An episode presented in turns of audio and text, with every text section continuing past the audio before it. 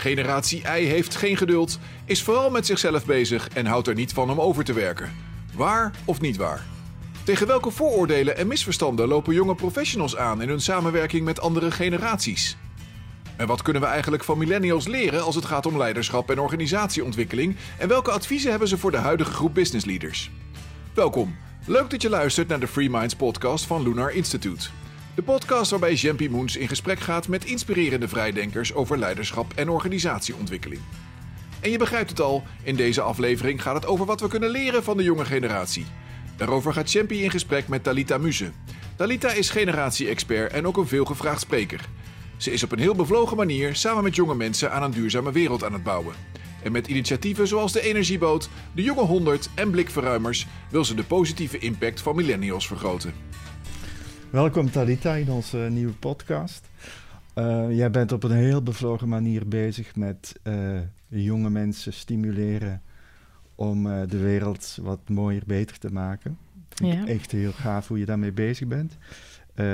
projecten als Energiepoot, Blikverruimers gaan we het straks over hebben. bij Fresh Forward en Lunar helpen organisaties en leiders om die nieuwe wereld mee vorm te geven. En intergenerationele samenwerking is daar cruciaal voor. Echt super belangrijk. Maar we zien dat dat ook niet altijd vanzelf gaat. Nou, daar gaan we het ook vandaag over hebben. Aan beide kanten levert dat soms worstelingen op. Wil ik graag met jou, jouw ervaringen uh, over in gesprek. Um, maar ik wil eigenlijk bij jou beginnen. Je hebt heel toffe dingen al gedaan. Maar ik ben heel benieuwd naar jouw bevlogenheid. Wat, wat drijft jou? Oeh, waar wat, komt hij vandaan? Ja, wat, wat brengt jou in beweging om zulke gave projecten op te zetten? Ja. Vertel.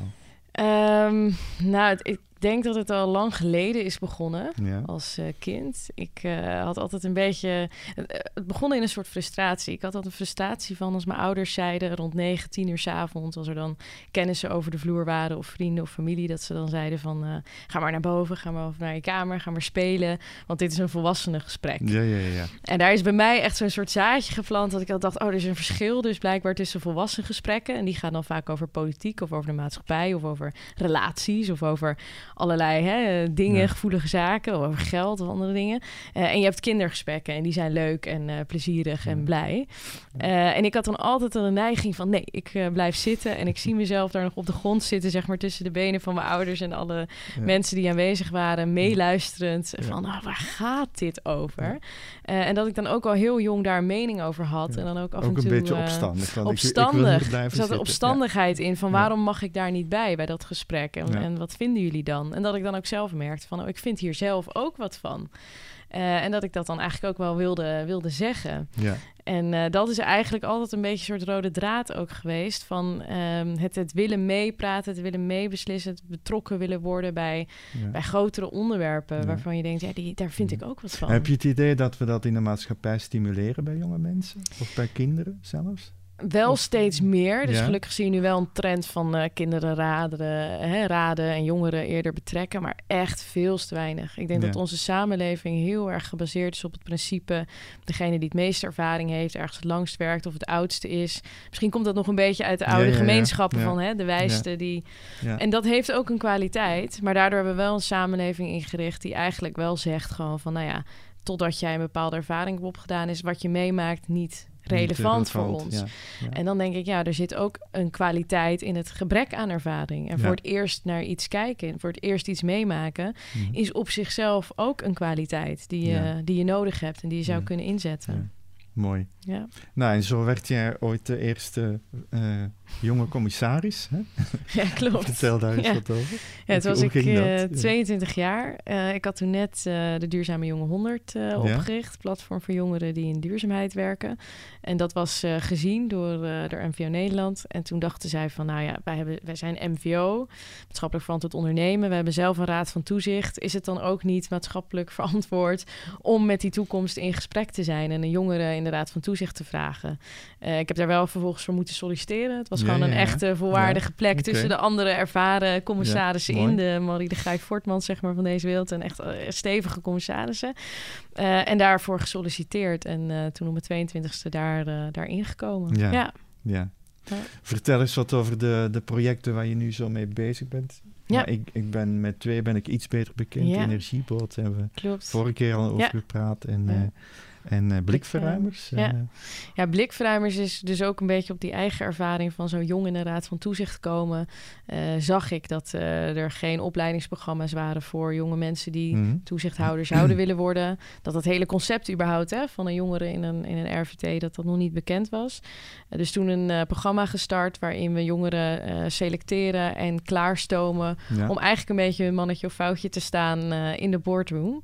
Dus we plaatsen ze dan een jaar lang in raden van toezicht, uh, soms raden van advies, soms ook raden van bestuur of managementteams. Ja. Uh, en daaraan gekoppeld uh, hebben ze ook een, een programma waarin ze ja. van alles leren, maar ook vooral leren hoe kan ik, ja, een beetje activistisch ook, hoe blijf ik bij mijn, ja. bij mijn standpunt binnen zo'n binnen zo'n groep van zwaargewichten. Dat, de, is dat lastig om dat te balanceren? Want ze moeten ook aan bepaalde formats voldoen. Je kan niet zomaar uh, losjes in zo'n raad van toezicht zitten. Is heel, dit is een heel leuke combinatie van hoe ga je in het bestaande systeem, zeg maar, als je daar probeert iets te veranderen of toe te voegen, dan kom je tegen allerlei dingen aan. Van ja, in de financiële sector, ja, ze hebben geen bankentoets gedaan of ja, uh, geheimhouding. Of uh, inderdaad, je loopt tegen allerlei formele. Er, er, zijn organisaties waar zelfs in de statuten staat, wat, wat niet mag, is leeftijdsdiscriminatie. Maar er mhm. staat, vanaf een bepaalde leeftijd mag je pas in aanmerking komen. Of als je opschrijft, vanaf 30 jaar bestuurservaring kan je pas uh, statutair toezichthouder worden.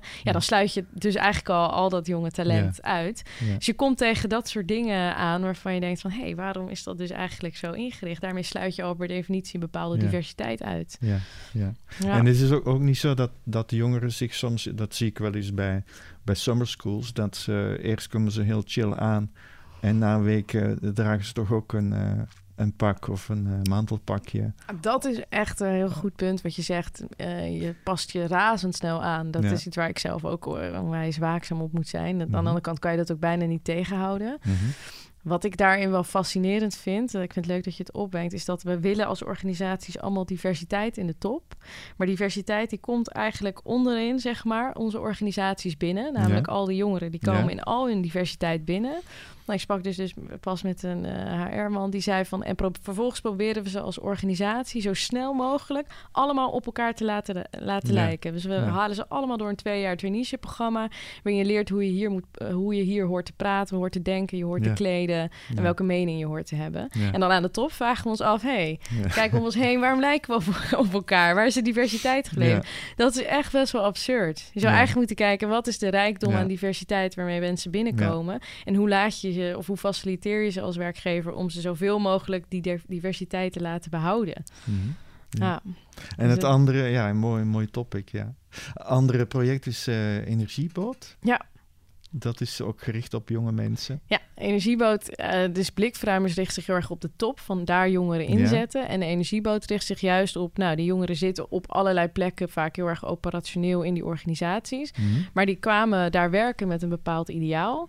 Uh, en hoe kan je nou ze eigenlijk weer laten ervaren dat je hoeft je idealen helemaal niet op te geven als je carrière aan het maken bent. Mhm. Sterker nog, als je je verbinding maakt van binnen met je eigen persoonlijke verhaal, met je eigen idealen, dan ga je nog veel meer impact hebben, nog veel effectiever werken en op een veel um, fijnere manier ook vooral werken. Want dan hoeft er niet zo'n spagaat te zijn tussen wat jij van binnen voelt, hoe jij naar de wereld kijkt, waar jij je zorgen om maakt en wat jij dagelijks in je werk doet. Ja. En vaak is die koppeling is best wel zoek. Dat veel jonge mensen helemaal niet terugzien hoe hun dagelijks werk bijdraagt aan nou ja, de, de dingen die je leest in de krant of op het, op het nieuws ziet. Ja. ja. Mooi, gaaf. Als we het hebben over die millennials, hè, die jonge mensen, wat zie jij werkt er veel mee? Hè? Wat zie jij echt als hun belangrijkste kracht? Wat kunnen zij toevoegen? En waar zouden de, de, zeg maar de, de business leaders, de, de leiders van vandaag, ze misschien meer ruimte in kunnen geven of ja, op aanspreken? Ja. ja, het zijn een aantal dingen. Ik denk dat deze generatie door uh, de tijdsperiode waarin zij groot is geworden, zeg maar, waarin ze is opgegroeid, dus de jaren 90 en 2000, is de generatie die in heel veel welvaart is opgegroeid en daardoor best wel de, de luxe heeft, het zich kan permitteren om eh, voor zichzelf te kiezen. Van nou, wat zijn mijn eigen waarden? Als ik naar een baan zoek, dan wil ik iets wat leuk is. Dan wil ik iets doen wat impact heeft. Dan wil ik iets doen wat betekenisvol is. In plaats van werken om te leven, zeg maar. Hè? Dus dat, daar denk dat ze daar echt iets, uh, iets omdraaien ten opzichte van de vorige generaties. Ehm, en het andere is denk ik dat deze generatie ook daardoor drager is van een aantal thema's, zoals duurzaamheid, klimaat, maar ook diversiteit. Dat dat thema's zijn die al best wel jong in hun leven bewust, waar ze bewust van werden. Ze waren tieners, zeg maar, uh, toen El Gore met uh, een Inconvenient Truth uitkwam. En ze waren studenten toen de financiële crisis 2007, 2008 uh, plaatsvond. En dat heeft bij deze generatie tot een soort systeemkritiek geleid. Ja. Um, waardoor zij eigenlijk zeggen van ja, uh, zoals we bepaalde dingen, onze economie georganiseerd is, die mensen niet meer dient, die gezondheid niet dient, die het milieu en het klimaat niet dient. Dat, dat, dat willen wij anders zien. En dan wil ik het liefste ook daar in mijn werk het gevoel aan hebben dat ik mhm. daar aan die nieuwe economie bijdraag in plaats van bijdragen aan het oude. Precies, ja. En, en zie je daar ook, uh, nou, wat ik in ieder geval af en toe tegenkomen, is dat er eh, over en weer tussen jongeren en ouderen eh, een aantal vooroordelen zijn, misvattingen zijn, maar soms ook gewoon uh, nou, stellige uitspraken van. Ik hoor wel eens mensen zeggen, ja, ik vind ze eigenlijk een beetje verwend en lui, ja. hè, die jonge die jonge mensen. Dat hoor heel veel, klopt. Ja. of arrogant, of narcistisch, of egoïstisch, ja, of inderdaad. Of zichzelf gericht. Netjes te zijn, ja. Individueel. Nou, wat ik wel heel leuk vind, uh, is dat eigenlijk dat meer zegt over de andere generatie. Hè? Dus vaak is daar waar je nou ja, een sterke allergie voor hebt, of waarvan je denkt dat stoot mij af. Ik zie een bepaald individualistisch gedrag bij de millennials, of uh, ze zijn te veel op zichzelf gericht dat betekent dus eigenlijk dat je zelf iets anders heel erg belangrijk vindt. Dus vaak in gesprek met groepen van andere generatie probeer ik er dan achter te komen van...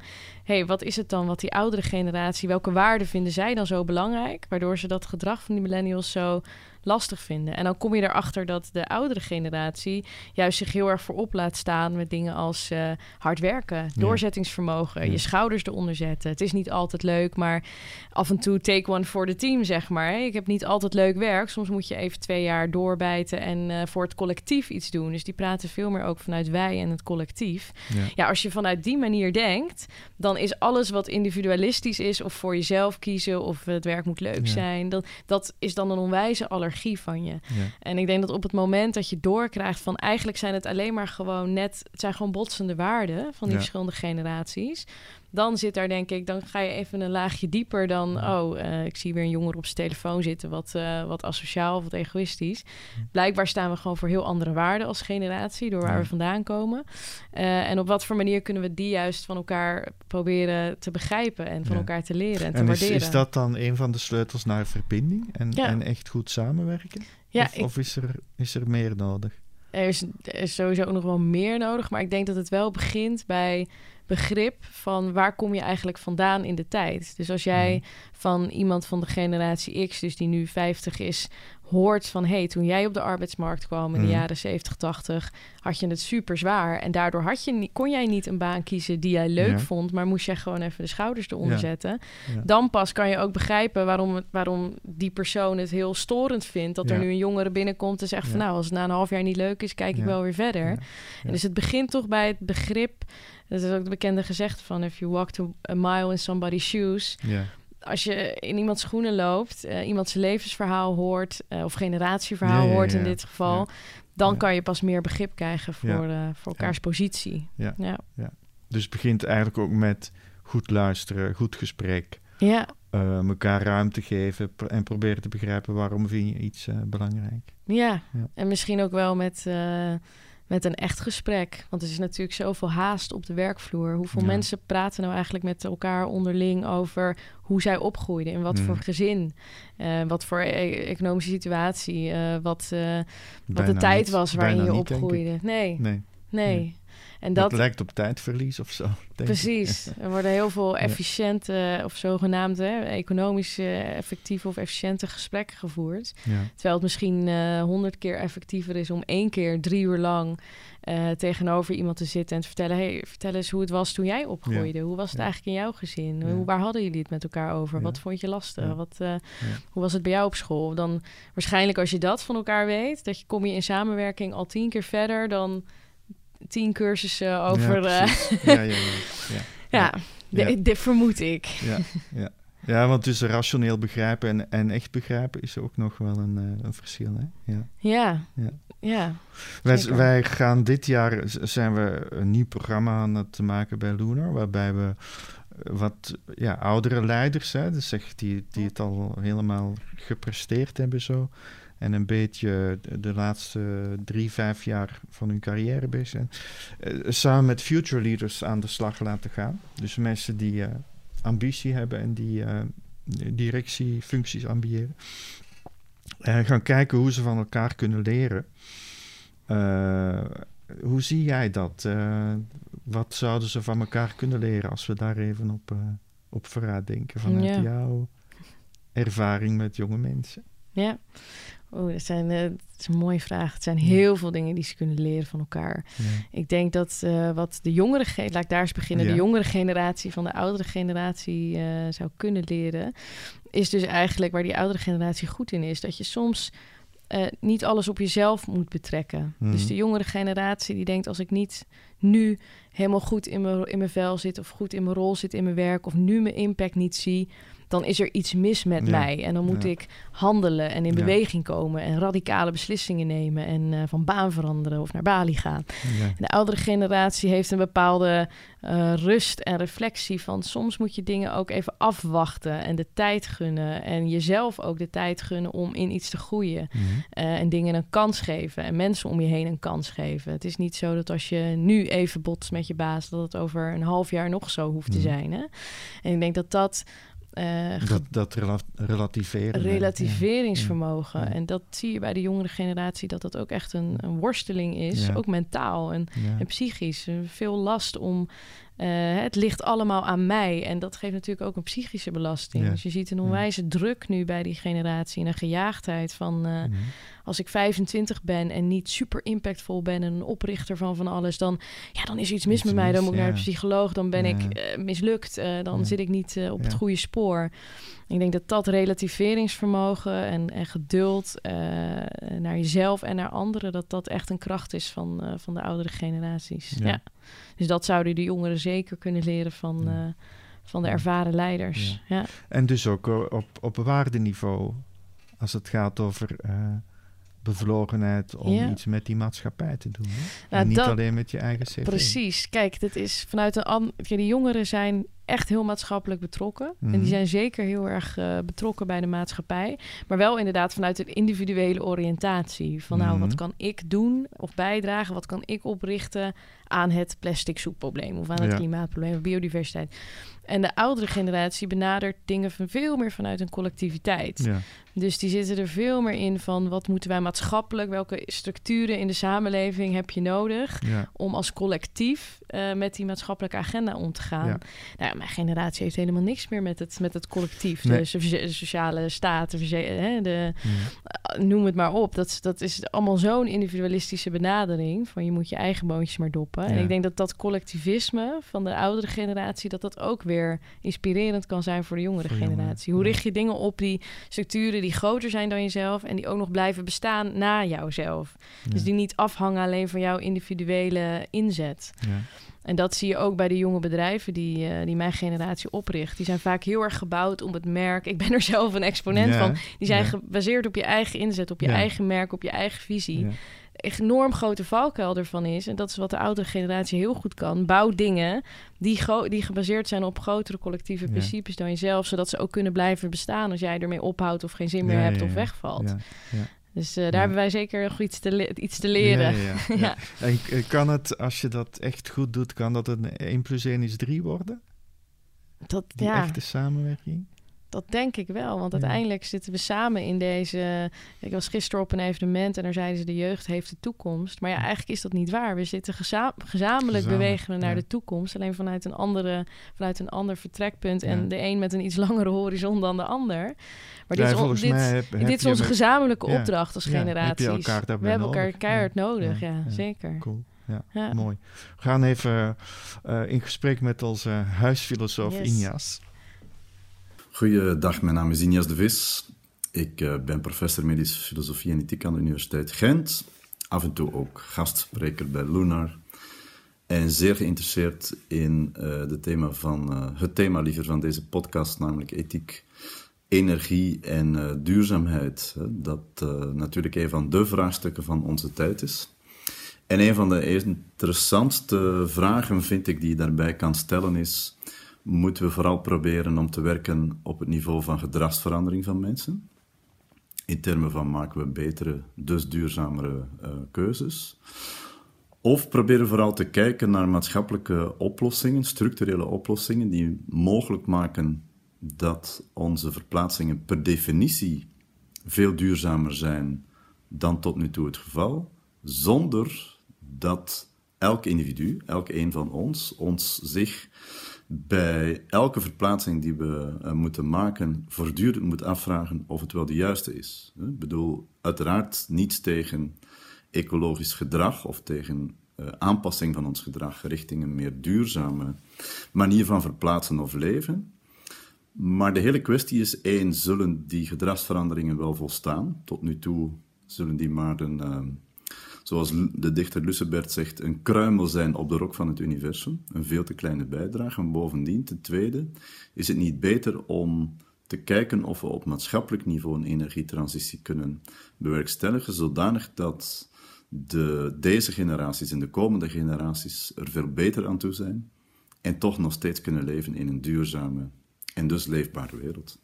Ja, ik vind dit uh, precies de hamvaag die hij aansnijdt van het, uh, van het hele probleem. Van wil je afwachten totdat mensen allemaal individueel hun eigen gedrag kunnen aanpassen. En dan zie je dat dat nog best wel mondjesmaat gaat op dit moment. Of wil je eigenlijk zeggen, nee, er is een groep mensen die misschien er wel verantwoordelijk voor is, bestuurlijk, die meer invloed heeft dan anderen op hoe onze economie eruit ziet, hoe wij consumeren, hoe wij produceren. Die moeten ervoor zorgen dat al onze opties die we hebben als je in de supermarkt staat of de weg op wil, dat die gewoon per definitie bij default duurzaam zijn. Want je, je kan niet wachten totdat iedereen vanuit zichzelf uh, tot het besluit komt: ik word uh, veganistisch of ik ga niet meer uh, plastic kopen. En ik zit wel meer op dat, op dat tweede spoor van uh, je kan wel degelijk een bepaalde verantwoordelijkheid aanwijzen in de samenleving. Ja.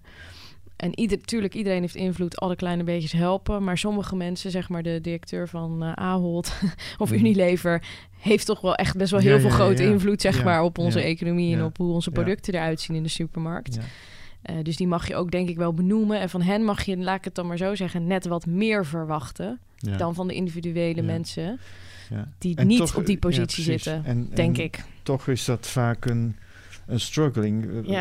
We weten eigenlijk best wel hoe het zou kunnen of moeten.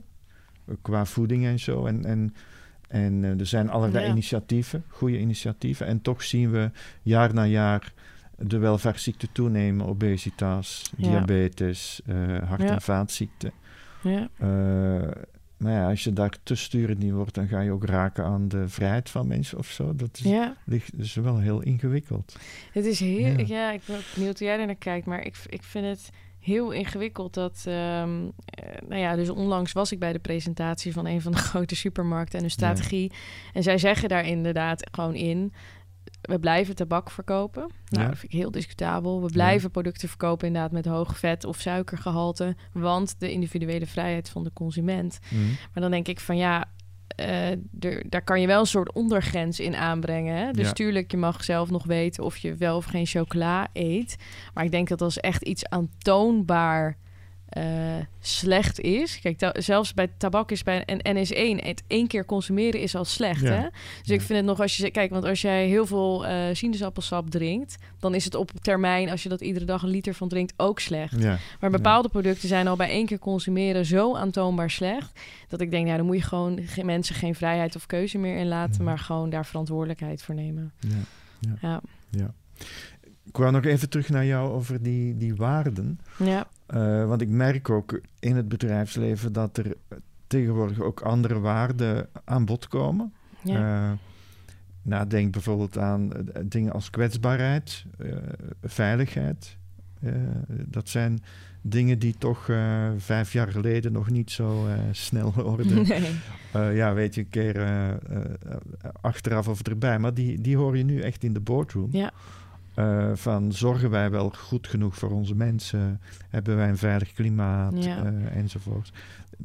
Merk Gelukkig, jij dat, ja. ja. Merk jij dat ook? Dat, dat daar ook een soort van niet alleen een digitale revolutie aan het plaatsvinden is, maar ook wel een, soort mentale revolutie? Ik zie het wel. Ik heb het inderdaad, wat jij zegt, wel de ervaring dat het meer bespreekbaar is. Dus je wordt niet, uh, denk ik, nu weggehoond of zo als je begint over deze thema's, over inderdaad kwetsbaarheid of meer de menselijke waarden.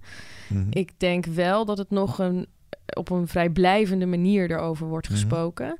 Dat veel bestuurders, CEO's, commissarissen dat in hun persoonlijke sfeer Ja. Graag willen doen. Maar het heel moeilijk vinden om de vertaalslag, het nog eng vinden.